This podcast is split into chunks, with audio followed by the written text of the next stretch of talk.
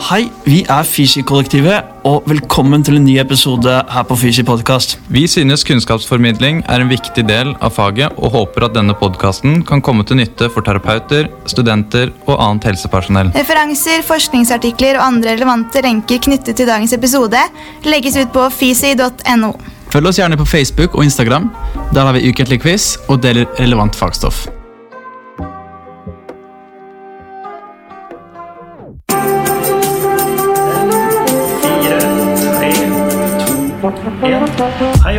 Velkommen til nok en episode her på Fysi podkast. Jeg heter Fredrik Sjøberg, og i dag så sitter vi på Gandal terapi og trening. Eh, Like ved Sandnes, eh, like ved Stavanger. Vi er i dette distriktet av landet. Med oss i dag så har vi en eh, kul gjest, og jeg tror mange har fått med seg ansiktet hans rundt på sosiale medier. Og han har til og med vært på TV 2 for et par år siden at du dukket opp på skjermen der eh, og snakket om en bok eh, du hadde eh, publisert. Og du har jo også publisert bøker internasjonalt. Du har vært med på eh, mange kursrekker på L5 og Trust Me Ed. Du holder også eh, mange kurs selv og er liksom founder av fysiokurs.no. Og eh, mine damer og herrer, i dag så har vi da Sigbjørn Hjorthaug med oss. Hei og velkommen på podkasten. Takk for det. Hyggelig. Ja, det er veldig, veldig kult å, å ha deg med. Eh, vi skal eh, prate litt om lumbale korsryggsmerter, eller lumbale smerter, i dag. Eh, men før vi hopper rett inn i tematikken, så liksom, lurer jeg litt på hva, hva, er det, hva er det kuleste med å være manuellterapeut? Hva syns du er gøy med det? Altså Generelt så har jeg alltid likt å være fysioterapeut eller manuellterapeut. For det, du treffer masse kjekke folk, og du kan hjelpe folk i nød. Og det er jo ikke noe som er mer tilfredsstillende når du kan hjelpe folk. Og nei, også føler jeg at jeg, har, jeg er privilegert til å ha en litt variert hverdag med, med litt eh, prosjekter med kurs og litt bokskriving, og få gjort litt andre ting òg. Så jeg har bevilga meg noen fridager til å gjøre det. Og eh, skal bl.a. ha kursrekke på Lumbal i høst, faktisk. Ja. Forbi noen byer. Men det som jeg tror faktisk er aller kjekkest, det er det vi har eh, en med en sånn eh, praksisplass for manuellterapistudenter fra Bergen, England, Australia. Og det eh, kjenner jeg er noe av det som på en måte er mest nesten spennende å holde på med. For dette, både for egen del, for vi lærer veldig mye av det sjøl, men, men det å se den utviklinga som studentene har underveis, og, og på en måte sette seg ned og ha kollokviegrupper, gå gjennom tema, ha veiledning og se pasienter sammen, det er utrolig spennende. Så hvis noen av dere som hører på har lyst til å gå den veien der, eller kanskje studere manuellterapi i Norge eller utlandet, så, så kan det anbefales. Og må bare ta en prat med meg og sende meg en melding eller mail på det hvis dere vil ha litt info rundt det. Ah, Veldig kult. Ja, det, jeg får jo liksom inntrykk av at du brenner jo skikkelig for faget, og en ildsjel som engasjerer deg i mye forskjellige prosjekter. Ja, litt sånn som deg òg. Ja. du, du brenner for det her, og du lager en podkast, så det er jo kjempebra. Ja, har, har litt, litt felles der. men Det er gøy. Eh, som innledningsvis så skal vi snakke da om eh, smerter i korsryggen. Og vi skal ha et eh, spesielt fokus på denne episoden da rundt eh, hvordan man kan forholde seg til de biomekaniske faktorene og de biopsykososiale faktorene. Um, så er jo liksom uh, Inntrykket mitt da er at uh, forskjellige terapeuter rundt uh, vektlegger biomekanikken og biopsykososial faktor litt forskjellig. Og eh, Hvilke tanker gjør du deg i forhold til eh, terapeuters preferanser liksom, mot den ene eller andre siden? Altså, det er jo klart at eh, Vi er jo mennesker. sånn at eh, vi, altså Alle vi og alle pasientene våre er jo biopsykososiale. Og så har du jo en skala da, der du har gjerne det biomekanikken i ene skal, enden av skalaen, og så har du det psykososiale i andre enden av skalaen. Og så vil jo pasientene våre befinne seg på et eller annet sted der. Eh, Men det er sjelden bare biomekanisk. for vi, vi er psykososiale òg, og det er sjelden bare psykososialt, for vi har en biomekanikk. Så det, ting henger jo sammen. Og så er det jo selvfølgelig avhengig av hva briller en har på seg når en eh, eh, ser pasienter. Hva, hva har en blitt lært opp i? Hva er det på en måte vi, vi har liksom blitt vant med å se til? Og så er det kanskje at en blir litt bajas litt i forhold til det. da. Ja, klart. Og jeg kan jo på en måte selv kjenne litt på at eh, jeg har studert under denne bølgen av biopsykososiale faktorer, hvis man kan si det litt sånn hårete. Mm. og personlig så er jeg jo ofte biased mot å eh, liksom velge mot den retningen. da.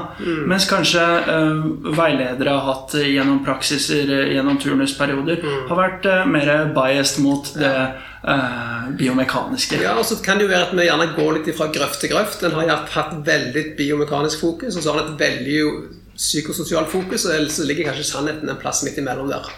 Og så er det kunsten å plukke ut rett tiltak til rett person til rett tid. da. Ikke sant? Ikke sant? Um, hvis vi tar tar litt for oss eh, den um, eh, ryggpasienten som har vondt i lumbale delen. Er, det noen, er det noen sånne klare eh, faktorer du kan angi eller se for deg mens vi snakker nå, som du føl- får en følelse på at dette er biomekanisk betinget, eller eh, dette er mer eh, biopsykososialt? Ja, altså Altså, Si du har en pasient med smerter, da, og pasienten på en måte kan bevege seg inn og ut av smerte veldig enkelt. Fra gjerne et flektert mønster til å rett, være rett i ryggen, eller til en veldig lordosert mønster der en finner gjerne mer midtstilling eller mer avslappa stilling. Og, og pasienten på en måte kan skru av og på smertene veldig fort, så er det jo, tenker en jo litt mer biomekanisk fokus. Eh, mens hvis du har en pasient som gjerne er generelt dårlig fysisk forfatning, han har masse gule flagg, det er dårlig med aktivitet, han har gjerne utfordringer på jobb, hjemmefronten, det er mange ting som skjer i livet, så det er klart at da vil en gjerne rette det mot litt mer generell trening og helhetlig tilnærming til den personen. Er eh, inntrykket ditt at um, nå, nå tar vi på en måte og deler det litt på, på midten for enkelhetsgrunn, selv om det er jo ikke sånn i virkeligheten. Da. Men har du inntrykk av at eh, pasienter som har den smerten som skrur seg av og på betinget til eh, bevegelse, at de har en typ, typisk skade som eh, at de har f.eks. en eh, over, eh, overbelastning eller Ja, ikke nødvendigvis skade heller. For det, det som vi ser med ryggsmerter, det er at 90 er jo det vi kaller uspesifikke smerter, som egentlig ikke har noen form for skade.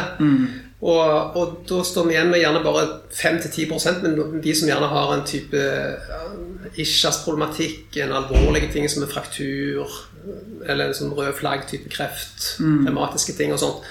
Og da er det jo klart at eh, da, er, da er det den 90 det er veldig vanskelig å si hva egentlig som gjør at den gruppa har vondt. Og da må en se til veldig mange forskjellige drivere. Og da bruker vi eh, mye med, på, med studentene våre i praksisveiledning et framework-skjema fra Perth eh, som er utarbeidet der. Det kan jeg gjerne si litt om på slutten av podkasten her, med, med hvordan vi prøver å plukke forskjellige drivere som er, kan være årsak til smerte. Ah, interessant. Eh, så kan en driver f.eks. Um, være uh, dette med gule flagg, Uh, Ja, absolutt.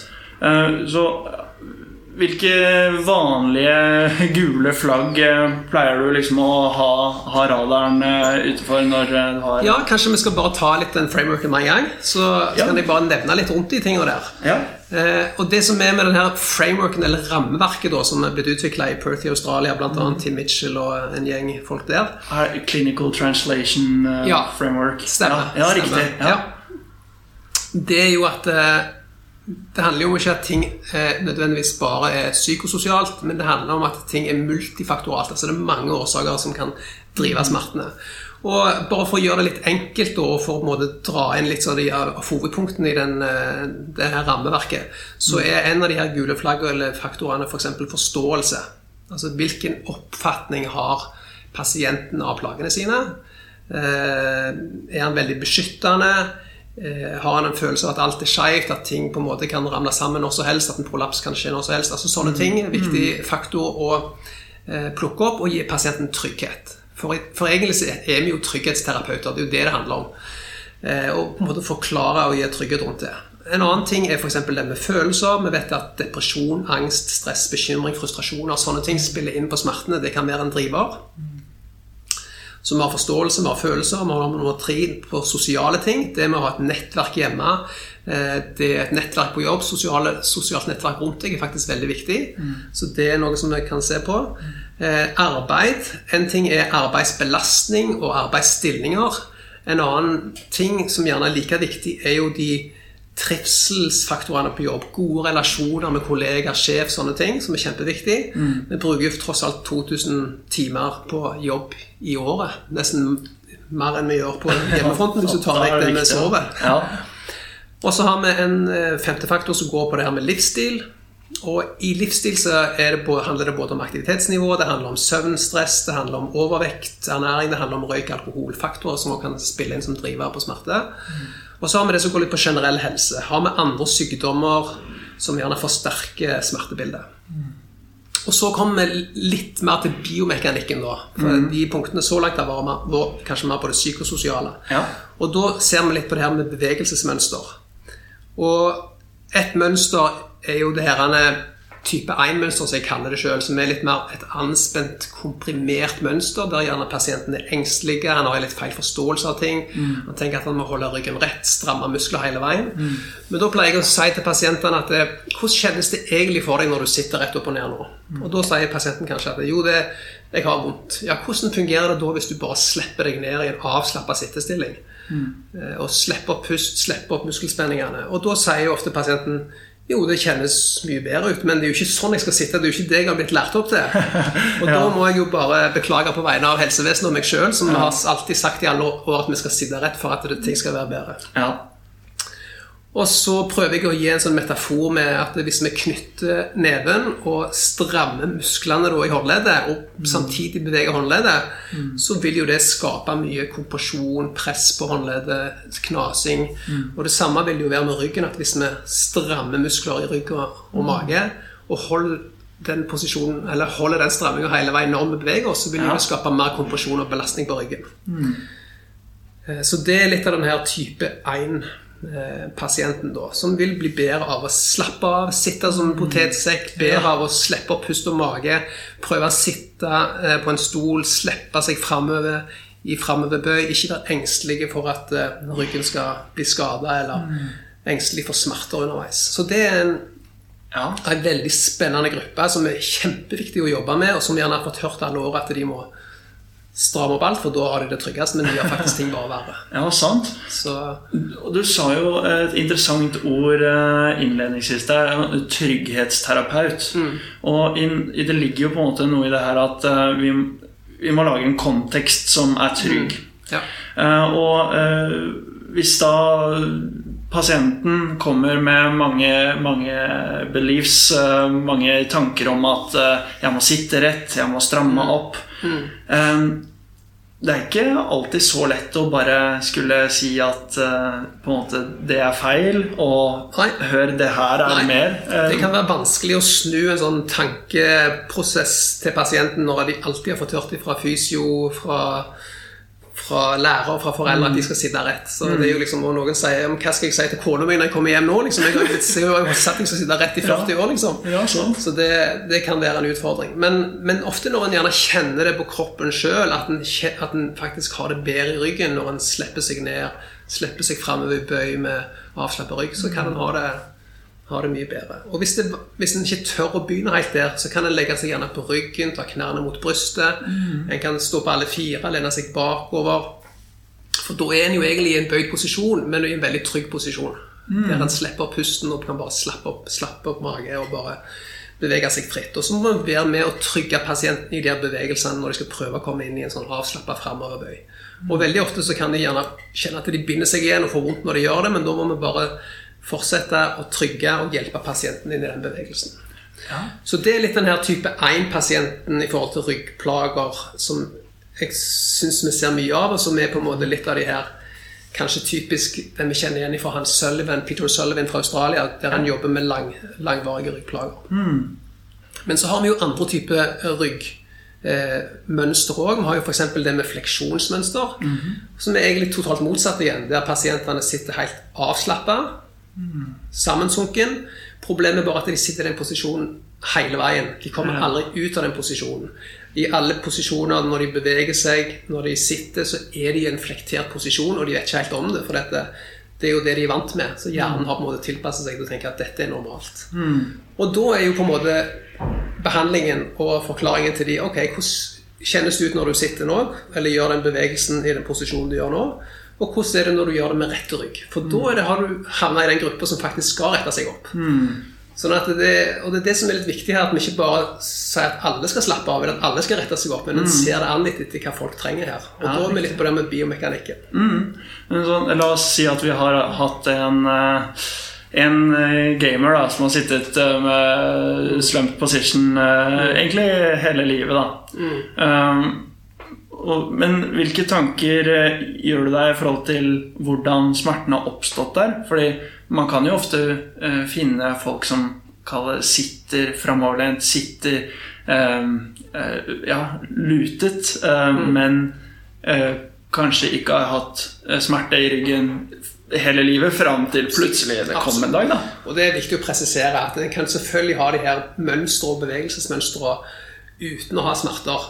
Så her skal vi ikke inn og sykeliggjøre ting, og der er det viktig hvordan vi forklarer ting til pasienten. Vi skal ikke inn og si at eh, din holdning eller måten du sitter på nødvendigvis skaper problemer for deg. Men det er klart hvis du har vondt når du sitter lenge i denne slump-posisjonen, du har vondt når du sitter og gamer, det er klart at da skriker jo kroppen din etter variasjon og en ny bevegelse. Og da har det noe å si å komme ut av denne posisjonen her. Ja. Både for å få variasjon og trening og komme seg og sitte mer i en annen rett posisjon istedenfor bare den samme flekterte hele veien.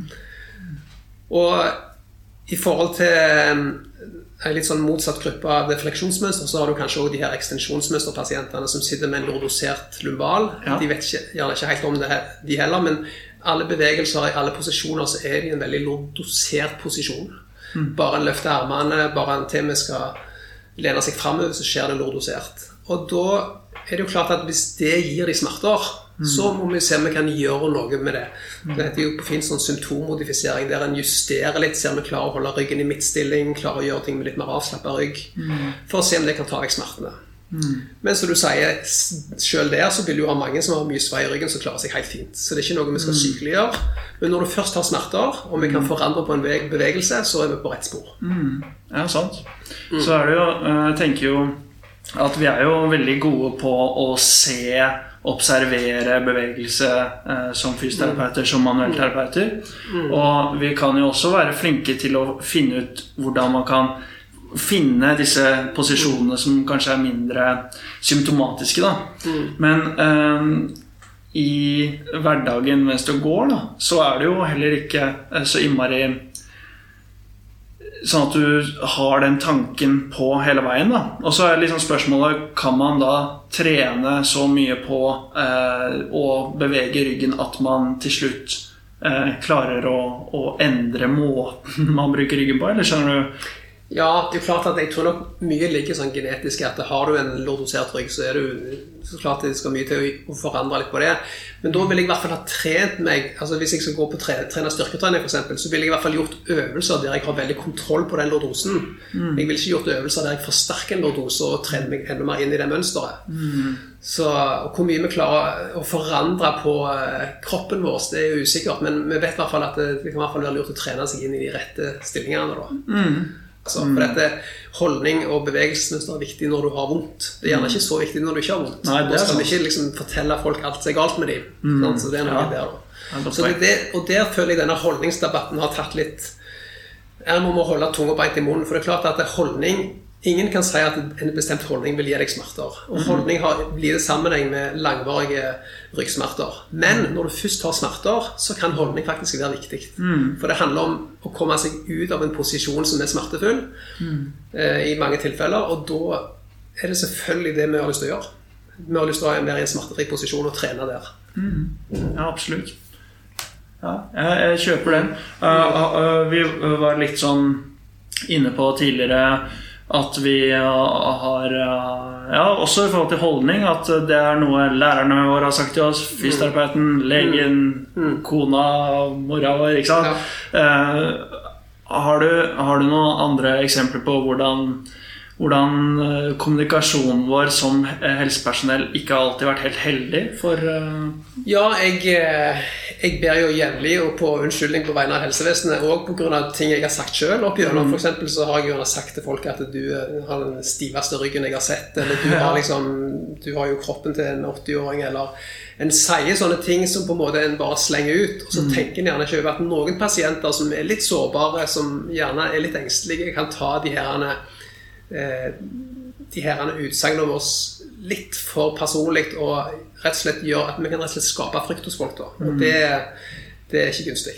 Og der må vi være flinke med å kommunisere og ikke fortelle pasientene alt som er galt med dem, men heller gi dem gjerne gode forklaringsmodeller på årsaker og hva de faktisk kan gjøre med det. Mm. Mm. Eh, disse forskjellige mønstrene vi har snakket om uh, nå, er uh, dette under paraplyen uspesifikke ryggsmerter? Ja, absolutt. Ja. Mm. Så det er, på, det er på en måte en måte å tenke på i det uvisse, da. Ja, og da når vi da tross alt ikke har noen struktur vi kan være sikre på det, så er det mye kjekkere å se litt på årsakssammenhenger. Mm. Er det en pasient som er for anspent? Er det en pasient mm. som er for flektert eller ekstendert? Mm. Eh, eller er det kanskje ingen av tingene? For det kan være andre faktorer òg. Det kan være manglende Det kan være, det kan være angst, depresjon, eh, det kan være inaktivitet. Ja. Mm. Så eh, vi, hvis vi eh, sier på en måte nå at eh, vi har pratet litt om de gule flaggene da, når vi har pratet mm. om eh, the translation ja. Ne, ja, framework. Ja, takk. Ja. er det noe, hvilke røde flagg er liksom viktig at vi har, har fokus på når det er ja, og det er jo òg et poeng. For vi skal, ikke, vi skal ikke skremme pasientene. Samtidig så må vi jo si sannheten når det faktisk er noe mm -hmm. reelt der. Mm -hmm. eh, og klart at Hvis vi ser at vi har pasienter som har smerter i begge bein, de har gjerne gradvis økende krafttap mm. eh, Vi ser at de har eh, nedsatt blærefunksjon, avføring, nedsatt seksual funksjon, manglende følelse i skrittet. Så er det klart at da er det på tide gjerne å henvise videre og, og, og sjekke opp. Eh, ja. Mm. Så har du, noen, har du noen sånne stalltips til hvordan man på en måte kan gå fram for å eh, prime en pasient først og fremst for å lage en god allianse, men også å endre eh, tankene deres om eh, hvis, hvis, de har eh, det vi oppfatter som feilaktige tanker om uh, situasjonen sin, da, mm. hvordan, hvordan, gjør man det på en elegant måte? Fordi det kan ja. jo gjøres ganske stygt, og det kan gjøres veldig pent. Ja. Jeg tenker Først og fremst er det viktig at vi lytter godt, kommuniserer godt, la vise pasienten respekt, la pasienten få snakke uten å avbryte for mye. Mm. Og så har vi en god undersøkelse der vi ser at viser pasienten at dette har vi sjekka grundig. Mm. Og etter det så kan en begynne å forklare litt rundt det er ikke sikkert at MR-svaret ditt med den skivebukningen eller degenerasjonen er relevant. Det er ikke sikkert at måten du holder ryggen rett på, er det rette. Og så tar vi gjerne pasienten inn i en sånn opplevelse der de kan kjenne på kroppen sjøl at dette kjennes bedre ut. Mm. Sånn at hvis pasienten nå sitter rett og er veldig anspent og har komprimert, komprimert rygg som gir smerter, så kan vi si til ham ja, men hva med hvis du slipper deg ned litt og er litt avspent i muskulaturen, slipper å puste. Hvordan kjennes det for deg? Så da tar du først pasienten gjennom en forklaring, så tar du pasienten gjennom en opplevelse der de får kjenne på kroppen sjøl. Og da er det mange flere som gjerne er med. Men ikke alle da heller. Nei, sant. så klart at, at noen mennesker, mennesker, vil ha problemer med å snu eh, oppfatningen på deres verdenssystem på kan du si, når det gjelder ryggplagene sine. Mm. Mens mens noen ganger så får du en flott respons. Du får umiddelbar resultat på gjerne folk som har lange, lange langvarig smerte kun gjerne med noen veldig enkle tiltak. Hvis de på en måte, Du kan gi dem den tryggheten, forklaringen og opplevelsen. Mm. Mm. Ja, og jeg, på en måte, jeg kjenner jo allerede at jeg egentlig er litt sånn inspirert til og hvordan jeg skal gå fram i min mm. praksis uh, med uh, ryggpasienten. Fordi mm. ofte fella jeg personlig føler at jeg har gått i, er at man kan sitte og bli pratende veldig mye. Mm. Og her er jo liksom det du beskriver, mm. det å, å beholde på en måte den fysiske delen av faget i det. da. At du tar det gjennom den bevegelsen. At du, du hjelper dem med å bevege Hvis det var å flektere hoftene som var smertelettende, og gi dem den opplevelsen sammen med eh, en profesjonell. Ja. Eh, kan du si litt mer om hvordan, hvordan du gjør det i praksis? Liksom, hvordan får du det til å skje? Ja, altså sånn rent på den fysiske delen da, så går mer på de her mønstrene, så er det jo å forandre på Altså la de få kjenne på det, sånn som vi har vært inne på. Så det er med en sånn veldig anspent uh, ryggpasient, så vil jeg ha Ofte tar jeg pasienten gjerne i ryggliggende først, for å bare gi dem en fullstendig trygghet hvis de er veldig engstelige. Ja. Jeg kan få dem til å visualisere at eh, Kan du bare se for deg at du bøyer ryggen nå? Og for noen så kan det være vondt, faktisk, bare det å tenke at de gjør det. For du aktiviserer Ja. det samme hjernenettverket som når du faktisk gjør det. Ja. Så får jeg gjerne pasienten til å se, s- tenke litt på pusten. Klarer du å slippe pusten? Klarer du å få pusten ned i magen med å holde ei hånd på brystet, ei hånd på magen? Og, og se at du får puste der nede. Det kan i seg sjøl være smertelindrende, det òg. Så får jeg gjerne pasienten til å ta knærne til brystet og gjerne bygge litt fra side til side. Og så sier jeg til pasienten går det greit, og for de aller fleste så går det ganske greit. Og da sier jeg men nå er du allerede i en bøyd posisjon her, i en trygg posisjon. Ja. Dette kan jo være en måte Dette du ser at dette kan faktisk gå greit. Og så har jeg de firfotstående. Jeg, tar, jeg får de til å lene seg bakover med å slippe pust og mage og får, får de til å kjenne at det kjennes greit ut. Har de i sittende over benk, får de til å synke sammen. Slippe pust og mage, skli hendene ned langs lår og, og leggene og, og være i en posisjon der de er flektert, som er trygg. Skyve fram med beina når de skal opp igjen.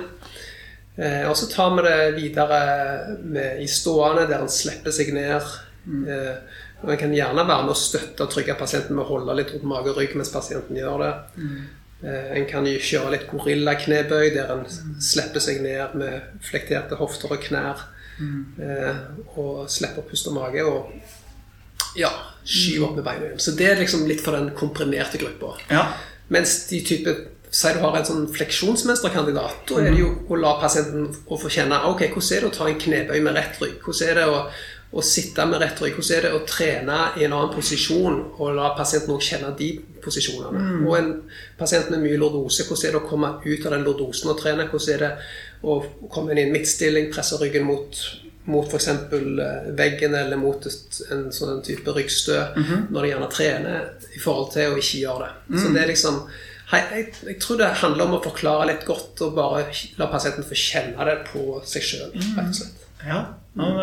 Så er det også beskrevet som sånn Peter O'Selvin eh, har også operert med en eh, expectation violation. Altså at du, du spør pasienten hva vil du gjøre. Nei, jeg vil stupe kråke. Ok, da skal vi stupe kråke. Ja. Eh, har du noen erfaringer med liksom eh, at Er det bedre å gå den gradisveien, eller har du også sett suksess med den? Og Ja, det er jo ikke vits i å ligge på benken hvis, du, hvis du er på et nivå der du kan gjøre mye mer. Nei. Så det er klart at det, det er veldig bra at pasienten har et mål, og så prøver vi å teste oss ut på det målet så fort som mulig. Men hvis ikke pasienten er trygg nok eller ikke klarer det ennå, så må vi bryte det ned og begynne på et lavere stadie. Mm. Men for all del helt enig i at vi må bare så fort som mulig få de inn i de mest avanserte bevegelsene de kan, som Ja. de savner gjerne. Ja. Hmm. Bra. Um ofte så kan jo pasienter eh, ha en eh, oppfatning om at ehm, eh, de har blitt mye bedre etter de har fått en eh, slags form for eh, massasje, eller en slags form for knekking, eller en slags form for modalitet. Da. um, ehm, og også er jo uh, ord som triggerpunkter og, og, og slikt det er jo også ofte å høre, da. Eh, hvordan forholder du deg til å bruke uh, ja, teknikker og massasje og eller nåler eller triggerboksbehandling i denne pasientgruppen?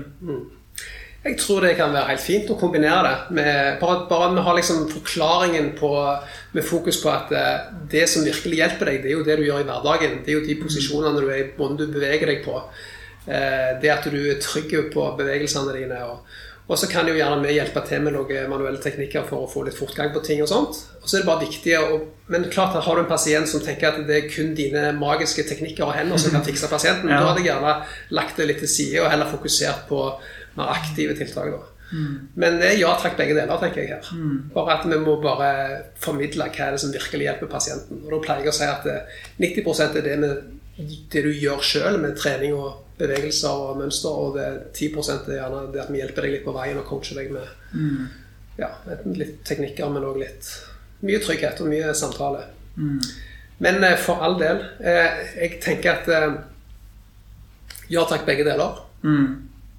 Så må man Også- rett og slett veie det litt eh, Ja. hos eh, hvor, hvor pasienten står med det. da. Ja, og så er det jo selvfølgelig igjen så er det jo liksom hva er du vant med, hva er det du har blitt lært opp i, og hvis du har blitt lært opp i 10 000 teknikker, og det er det som er på en måte behandlingsregimet ditt, så er klart at da svir det jo litt å prøve å gjøre noe helt annet, for da mister du jo litt av det du har lært og brukt masse timer på, så det kan jo være litt smertefullt, men samtidig så, så må vi se litt mer på det her hele biopsykososiale systemet, at ting er litt mer sammensatt enn som så da.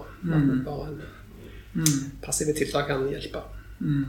Ja, ja det, er jo, det er jo en eh, utfordring med, med at faget he, hele tiden er en utvikling. At mm. ofte endringen skjer ikke først på skolen. Ikke sant? At man, som du sier, eh, har, har den banken med teknikker som man så gjerne ville bruke, og så er det litt eh, um, Ja. Hvordan, hvordan eh, I veilederrollen, da, hvordan eh, forholder du deg til eh, manuellterapistudenter som helt sikkert har lært masse kule knep? Mm. og mye, mye som kan hjelpe for ryggsmerter også. Ja. Altså tingen er at Av og til så er de kule knepene helt geniale på visse pasienter. sant? Sånn at Da er det jo helt fantastisk. Det å mobilisere stive ledd, gjerne etter en fraktur, etter nærliggende ledd altså Det å, å jobbe med de teknikkene er jo nydelige med de rette pasientene. Og så er det andre ganger det er totalt waste of time, for da er det andre tiltak vi må bruke. Ja. Så jeg ser jo litt sånn at uh, vi tar det liksom beste fra begge verdener, holdt jeg på å si, eller alle verdener, og setter de sammen. Og så er det jo rett tiltak til rett person til rett tid. Så jeg vil si ja takk, begge deler. Og det prøver vi å legge opp litt i veiledning hos oss, at vi, yes, vi vil ha det manuelle, og yes, vi vil ha det biopsykososiale. Og så få en god kombiløsning. Hybridløsning. Jeg tror igjen så er det bare viktig å, å forklare pasienten hva er det som skjer når vi holder på med ting. sant? At vi ikke setter ting på plass, at ting ikke tar stilling. Og at det ikke, Sannsynligvis kan vi gjerne ikke gjøre så enormt mye med stivheten heller, men vi gjør, gjør noe, vi gir en reflektor, reflektorisk avspenning, vi gir en smertelindring med mye av det vi holder på med. Så jeg tror det er bare, bare vi kan på en måte formidle hva vi gjør, og litt sånn litt sannheter rundt det, og ikke lage noen myter og noe avhengighets... Eh, eh, opplegg heller med, med måten vi kommuniserer med pasienten, så tror jeg vi kan gjøre det meste. altså. Det, ja. Det er kjempegodt Ja. poeng å, å slå inn eh, på, Ja. på den. Ofte så kan pasienter ha liksom fortelle at ah, 'nei, det skjer så mye på hjemmebane, da pleier jeg å få vondt'. Ja. Eller eh, 'nei, jeg har, eh, jeg har den muskelen baki der', eller det er den, eh, det er den biomekaniske delen. Liksom. At de, har en, en, en eh, tanke om at det er noe galt i vevet. Eller at de har en eh, tanke om at det er et resultat av noe som har eh, skjedd. F.eks. at det er mye stress. da Og eh, da var spørsmålet om, om du har en generell følelse på om pasienter har eh, en rett eh, tolkning av, av hvorfor de har vondt. Ja, det er jo veldig interessant, da. For det er jo der den forståelsesbiten kommer inn. Og så det er veldig kjekt å, spørre pasienten sånne spørsmål. Hva tenker du er galt med ryggen din? Hva tenker du må til for å bli bedre? Og, og da kan det avsløre en del ting. da. Og noen ganger så har jo pasienten helt rett. Altså Det er antageligvis noe muskulært, det er ikke noe farlig. Jeg har mange pasienter som kom inn og liksom bare har egentlig helt eh, god kål på det de feiler, egentlig. Og så er det andre som er helt ute på viddene, og der du må virkelig sette deg ned og begynne å snakke litt. Og, og prøve å skifte litt tankesettet deres. Og det, det kan jo være utfordrende. Men, Mm. men eh, og noen ganger går det bra. ja. Takk og lov. Ja. Eh, Som, eh, som student så er det jo alltid skummelt med denne ryggen. Det er på en måte enklere å forholde seg til eh, kne eller skulderen, på en måte, da, fordi det er ett ledd. Eh, I ryggen så har vi, har vi Det kan virke så innmari eh, komplekst, da, og siden det er så mye uspesifikt. Eh, har du, hvis du liksom skulle hatt noe råd til eh, de som eh, føler seg litt usikre på pasienter med smerter i ryggen. Hva, hva, liksom, hva ville du sagt da? Nei, jeg hadde anbefalt de å bruke det her en, eh, translation framework og bare gått igjennom liksom, litt forskjellige ting. Altså, Handler det om på en måte forståelse, følelser, eh, det sosiale, arbeid, livsstil, generell helse? Er det liksom mer på den der psykososiale delen av skalaen, eller er det litt mer mot den gjerne biomekaniske delen av skalaen med, med bevegelsesmønster og, og, og tenker jeg, altså, Prøve å luke vekk de der eh, 10 som gjerne har litt alvorlig problematikk, og så ser vi da sitter igjen med, med den, den mest vanlige gruppa. og, og da um, er det jo viktig å liksom både være trygg sjøl på, på alle de MR-svarene som vi får, som egentlig prøver å lete etter de 10 og der det er noen relevante funn. Og så finner vi bare masse ting på de 90% som gjerne ikke er så relevante. Så der er det viktig at vi er flinke å kommunisere med pasienten at, eh, at det mange av de funnene er normale aldersforandringer og normale ting som ikke trenger å være relevante, og som du finner hos friske folk. Ja, det er jo det er, det er egentlig fint å få en sånn liten eh, den eh, MR-biten innpå der òg. Fordi eh, i, hvis man ikke vet bedre, så står det jo svart på hvitt her hvorfor jeg har vondt. Ja. ikke sant? Og det er en stor sånn forståelsesbit vi må hjelpe pasienten med. For det er klart Hvis det står på svart og hvitt at du har tatt et bilde, så, så er det sånn det er. Men det er ofte sånn det ikke er. Så det må vi prøve å si på en respektfull måte til pasienten. da. Etter vi har undersøkt dem, etter vi har vist at vi har gjort en grundig sjekk på dem. Ja. Ja. Ja, sånn, hvis, eh, hvis jeg hadde kommet inn her nå som en pasient, da, så var ja, jeg har vært og tatt eh, MR, Sigbjørn. Og jeg har, jeg har prolaps og degenerasjon eh, på eh, L3, L4. Ja. Uh, og det er derfor jeg har vondt. Eh, hva ville du sagt da? Ja, og Hvis jeg har en dårlig dag, da, så ville jeg sagt at eh, Hallo, for en idiot du er. Altså, det er jo ikke relevant i hele tatt. Og så blir pasienten sur, og så har det låst seg, og så går det veldig dårlig. Men hvis jeg har en bedre dag, så ville jeg først bare sagt ok. Og så bare sier jeg ikke mer rundt det, og så begynner jeg bare å snakke med pasienten, intervjue han, ta anamnese, undersøke. Og så kommer vi litt tilbake til, til MR-svaret etter alt det. Der jeg, der jeg sier nå jeg undersøkte jeg så grundig jeg kan. For meg ser det ut som det gjerne er bare noe enkelt, ufarlig, uspesifikt. Trenger ikke gjerne bruke uspesifikt heller, for det kan bli litt sånn avansert. Men, men at driveren til problemene dine kan, være, kan ha sammenheng med aktivitetsnivået ditt, manglende søvn, det kan være et mønster som du har. Vi, vi kan ikke si helt med sikkerhet hva som er årsaken til plagene. Det kan ha litt relevans med det som er på MR-bildet, men mest sannsynlig så har, så har ikke det så mye relevans, for det ser vi hos friske folk òg. Eh, Men uansett så er det ikke noe alvorlig, og dette kan vi gjøre noe med, og vi skal hjelpe deg på veien og gi deg trygghet på det. liksom. Mm. Ja, ja men det var, det var en uh, smart måte å gå fram med det. At man ikke man, man lar det vente litt, og så man har, man har litt slagkraft med det man har uh, undersøkt selv òg. Ja. Ja, det likte jeg. Eh, vi, eh, hvis vi snakker litt om eh, disse, kall det mer alvorlige 10-prosenterne, da, så er jo eh, prolaps er jo noe som er, er innenfor den 10 %-greia, som kan være alvorlig eller ganske ufarlig på en måte. Bare innmari irriterende og vondt. Så jeg har laget en gråsonefleip eller fakta om eh, prolaps, eh, siden vi er på, i ryggland på denne episoden. Ja. Så jeg har laget eh, da tre eh, påstander i dag. Hvor du skal svare eh, fleip eller fakta, og så kan du kommentere kort på det. eh, Fordi det er, ingenting er jo svart eller hvitt i faget vårt. da Så da bare kjører jeg på med den første. Eh, Det er høyest prevalens av prolaps blant unge voksne.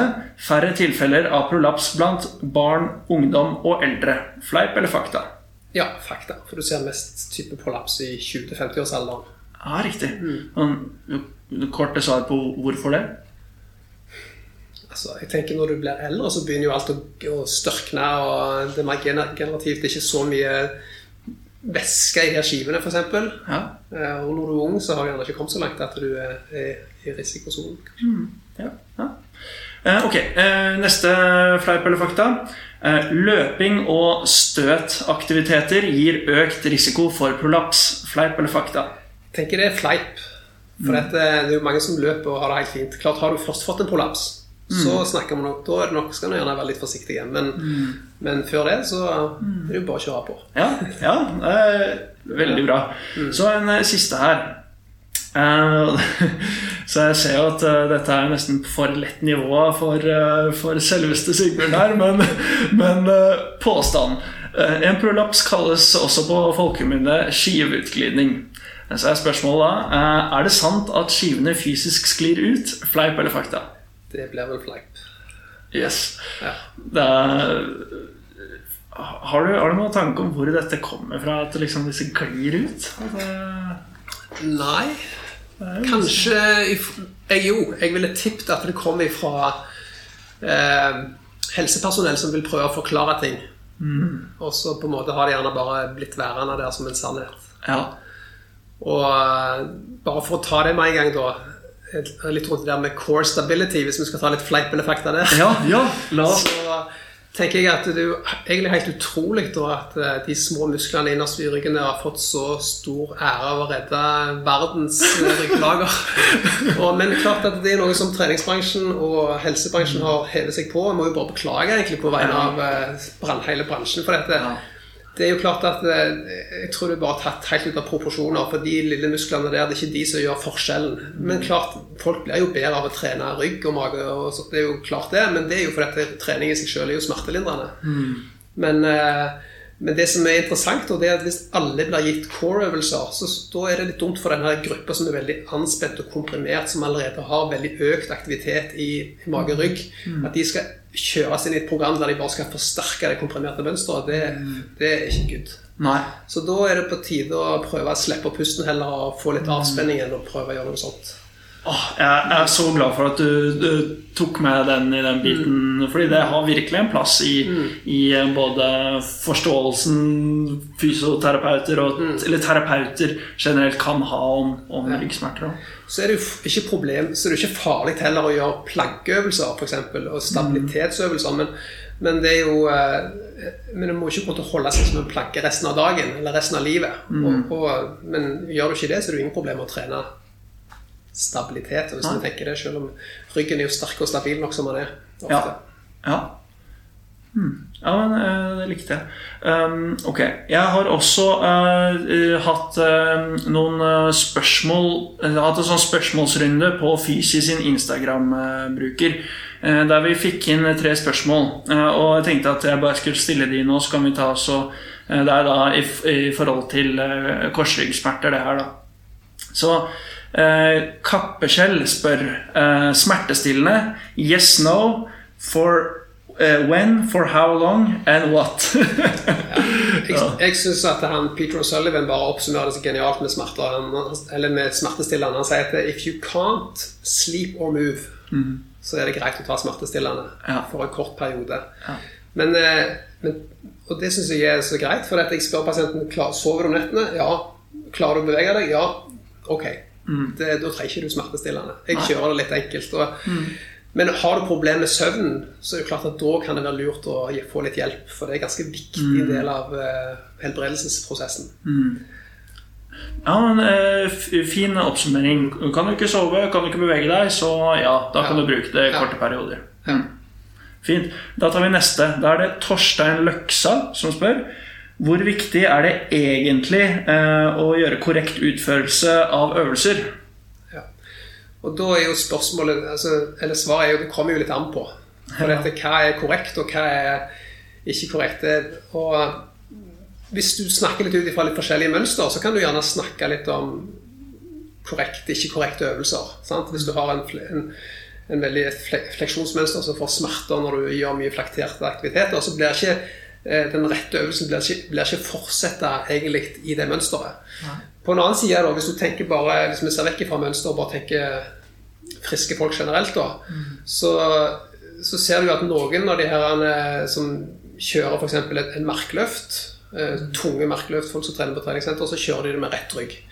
Så ser du likevel de her, på de her strongman-konkurransene når de skal løfte steiner på 100 kg, så skjer det med bøyd rygg. Ja, Og da er jo spørsmålet hvorfor er det feil, eller er det andre rett, eller hva er hva er det? Men da tenker jeg så enkelt at det, du blir god og du blir sterk på det du gjør mye av. Så hvis du er vant med å trene deg opp eh, trene, gjøre et merkeløft eller løfte en stein med bøyd rygg, så vil ryggen gradvis venne seg til det. Og da blir det riktig for deg. Men hvis du alltid har løfta med rett rygg, og så skal du plutselig skifte teknikk og løfte 100 kg med bøyd rygg, så er det ikke sikkert at kroppen er helt med på det hvis ikke du har bygd opp gradvis. Ja. Mm. ja men det, det, var et, eh, det var et fint svar på et vanskelig spørsmål, eh, egentlig. da um, mm.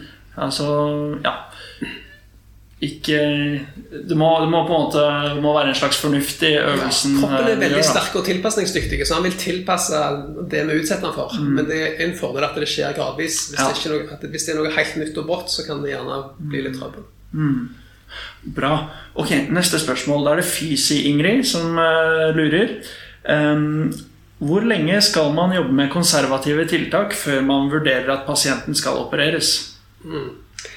Ja, altså Det, det er interessant, for dette um, Smerte i seg sjøl trenger ikke alltid å avgjøre om det skal opereres eller ikke.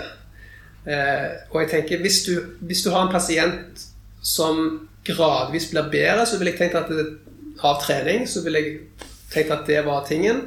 Eh, så vil du òg ha pasienter som har hatt vondt lenge, og mye vondt lenge. Og, og da må vi spørre oss har de prøvd et skikkelig godt rehabiliteringsopplegg. Har du vært gjennom frameworken? Har vi vært gjennom Har de blitt satt i god trening? Sånn at de eh, Jeg har bl.a. noen til behandling nå som på en måte vi har vi kjører de ganske beinhardt på styrketrening innenfor toleransegrensa deres da. og, og det på sikt så gir det de gradvis bedring. Og de var på nippet til å bli operert, men de har liksom klart å få den bedringen med trening. Så jeg tenker av og til så kan vi gjerne gi opp for tidlig òg, og vi kan gjerne være litt for forsiktige med å sette folk i ganske tunge trening. Ja. Så det Ja. Så det er jo et vanskelig spørsmål og veldig sånn individuelt. Men uh, når vi ser på resultatet på ryggoperasjoner òg, så er det jo litt variabelt, det òg. Så det er ikke alltid det eneste løsningen heller. Nei, sant. Mm. Ja, Og så et lite sånn uttrykk fra en uh, kar sa at eh, Ja. vi kan ikke operere på psykososiale faktorer. Nei. Og hvis det er driveren, da bommer jo fullstendig. Så det er noe med å se, ta tak i de òg. Ja, det er godt sagt. Um, vi var jo nesten litt inne på en sånn aha-opplevelse der eh, på tampen. Uh, ja, skal vi ta oss og kjøre en uh, helt til slutt nå? En aha-opplevelse du har hatt i, i, i, Ja. relatert til uh, korsryggsplager? Ja. Har du en klinisk historie for oss? Ja. her? Altså, jeg har um, Jeg har hatt en Jeg hadde en kar her som er vel noe av det mest crazy jeg hadde på, i forhold til ryggpasient, som hadde hatt eh, 40 år med ryggplager. Han hadde når han var 20 år og var i militæret, så fikk han beskjed om at han hadde en liten skivebukning, og at han måtte holde ryggen rett for å beskytte ryggen. Han hadde vel hatt litt vondt òg, men det var veldig sentrale smerter. Og han var en veldig engstelig kar. Veldig ressurssterk fyr, men veldig engstelig for ryggen sin. Så i 40 år så har han holdt ryggen sin helt rett. Han har alltid stramt rygg og mage. Han har, han har liksom beveget seg som en planke, da, kan du si. Oh, Og hatt vondt i, ryggen, vondt i ryggen i relativt jevnlig, i hvert fall i mange, mange episoder i løpet av de 40 årene. Så eh, når vi da tok han inn på kontoret Jeg har til med video av det her, så jeg har til viser på de her kursene. Ja. Så eh, ber jeg han om å bøye seg framover, og så bare ler han. Og så blir det så vidt han, eh, han vil bøye seg framover. Og, og så tar vi og bryter ting litt ned, sånn som vi har snakket om tidligere. Vi legger han ned på ryggen, vi får han til å dra knær til brysten, vi får han på alle fire alene bak, sitte over kanten og bøye seg. Og i løpet av en time, da, fra å ikke ville bevege seg i hele tatt, til å kjenne på kroppen at det går jo greit når jeg klarer liksom å slippe å puste og mage og få trygghet og forklaring rundt dette, så klarer han å bøye seg på slutten av den timen der Ja. uten smerter. Og da Det er jo sånn jobbe vet du, som terapeut. Og så kommer han hjem, og sønnen hans på 35 år sier 'Pappa, jeg har jo aldri sett at du har bøyd ryggen før'. Så det, så det er jo veldig artig, da. Og da Så det var på en måte en ryggplage som på en måte var vedlikeholdt av hans forståelse, hans usikkerhet, feil beskjeder, feil, feil på en måte råd. Og så fikk han kjenne det på kroppen sjøl, at når han slapp opp spenningene, slapp opp pusten og bevegde seg uten å binde seg, så var det mye bedre. Å, fy søren. Så det, det var egentlig eh, det, var, det tok ikke lange tiden, da? skjønner Nei, det tok en time. og så var det ferdig. Nei, var det, og så var han innom bare for å få litt trygghet og litt omsorg på at det, er ok, Ja, ja. fortsett med dette, det går bra. Ja. Så fikk han tilbakefall et år etterpå, men da var han bare innom en halvtime. Og så var vi bare gikk vi gjennom igjen, og så var det greit. Å, så fy det, søren. så det, og det er jo interessant, for dette smerte trenger jo ikke bety skade. Sant? Det var ikke en skade, men det var en kompresjonsfaktor der, og det var en manglende forståelse. Wow. Ja, da føler man seg eh, nyttig, da. Eh, Ja. Hvis man kan være med og på en måte avvæpne Ja. Det er jo eh, helt sykt, egentlig, og... Ja. Og så er det jo i tilfeller der det låser seg helt. sant? Jeg kan jo bare ta et eksempel på det òg. Jeg hadde en kar her med, med smerter eh, i, sentralt i korsryggen. Eh, han hadde fått eh, MR-svar som viste en prolaps. Problemet var bare at prolapsen satt på andre sida der han hadde vondt. Men han hadde Ah. fremdeles prolaps. Og han hadde studert veldig mye om hvordan prolapsen bare spruter ut når han bøyer seg framover. og alt mulig sånn. Så, men, men igjen så tok man igjennom alle de her tiltakene med å legge seg ned, slippe pust og mage. Han kjente det på kroppen sjøl, at ting ble mye bedre enn han gjorde det. Han klarte å bøye seg på slutten av timen uten smerter. Men gikk hjem igjen, leste Dr. Google om hvor farlig det var å bøye seg i forhold til disk. Var litt mail-korrespondanse. Ja. Jeg sendte inn til en kollega som ga det en ny forklaringsrunde på en hel time på de samme tingene. Men til slutt så fant han ut at dette trodde han ikke på. Nei. Dette ville han ikke være med på. Nei. Selv om han hadde fått forklaring fra to terapeuter og kjente på kroppen sjøl. Så da, det er jo ikke alle vi kan hjelpe, Nei. og det er ikke alle vi kommer videre med. og Det må vi akseptere, så får vi holde fast på de gode historiene vi klarer å oppleve. Mm. Ja, det er jo realiteten, eh, Mm. det. Absolutt. Så, men eh, ja, det er egentlig fint å, å høre en av den siden òg. Kjempebra. Jeg, eh, er, det, er det noe mer vi burde nevne i forhold til uh, ryggtematikken før vi går uh, til eh, da, noen referanser, eller om det er noe spiren der ute kan Jeg kan bare nevne litt det på akutte smert, ryggsmerter òg. Liksom, hva, hva skal vi gjøre med de? For dette, altså, må de komme inn og få akuttbehandling de første fem dagene? Jeg tror egentlig ikke det. at Nei. de trenger det. Jeg tror det de trenger, er trygghet. De trenger litt informasjon om at eh, de kan bevege seg mest mulig normalt eh, og puste og ikke lage seg noe sånn anspent kompresjonsmønster som kan forsterke og vedlikeholde. Så Derfor er det viktig hva vi kommuniserer, og hva vi, vi forklarer de årsakene til plagene. Så gjerne ta de inn og få en, gi trygghet, gi forklaring, eh, få de til å bevege seg. Men ikke sånn at en må ha en knekk for å bli bedre. Og, og da igjen så gjerne skaper du en forståelse for de at de er avhengig av en terapeut som skal fikse de, og at eh, det er det det handler om. Selvfølgelig så kan det være mot slutten av de fem dagene at en kan få en knekk og en får en, en, en, en for fysiologisk avspenning og smertelindring, som er kjempefin. Så for all del.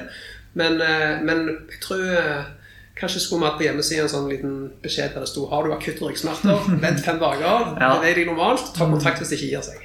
Ja, det, det er det mange som burde ført opp det. Ja, men jeg har virkelig troen på det der òg. Og eh, ja.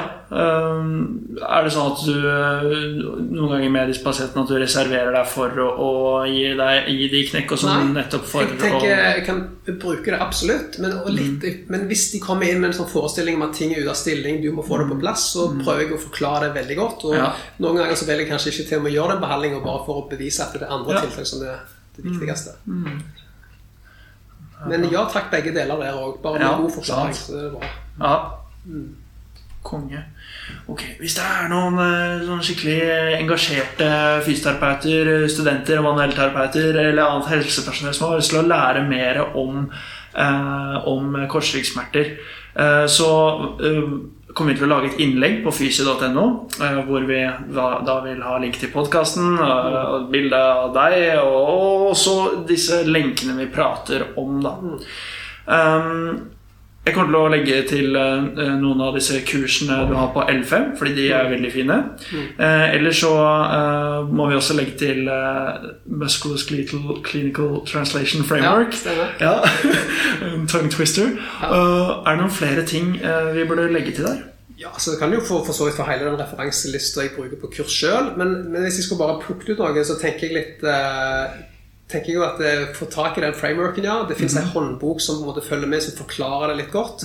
Veldig fin måte å hvis en litt sånn systematisk kikke litt gjennom de tingene når en har pasienter, for å se hvor passer min pasient inn. Ja. Og så eh, ville jeg jo ha googla Sullivan på YouTube. Der er det mye bra YouTube-videoer og forklaringer og ting. Og, Ja. og litt av artiklene til, til gruppa til Sullivan, da. Kjempebra. Ok, Men da legger vi til eh, dette på fysio.no. Så må jeg si tusen takk for at eh, du ble med på podkast, Sigbjørn. Det var veldig gøy Ja. å ta praten med deg. Ja, veldig kjekt å være. Ja, Det er vi glad for. Så eh, da takker vi oss for oss eh, her på Fysi podkast i dag. Så, høres du fra oss, så hører du fra oss senere. vet du. Ja, ha det bra. Ha det bra. Takk for at du hørte på Fysi podcast. Håper du likte denne episoden. Følg oss gjerne på Facebook og Instagram. Der har vi ukentlig quiz og deler relevant fagstoff. Vi selger T-skjorter og annet merch på fysio.no. Vi har mange planer og mål, og omsetningen av merch skal vi bruke til videre prosjekter og kunnskapsformidling.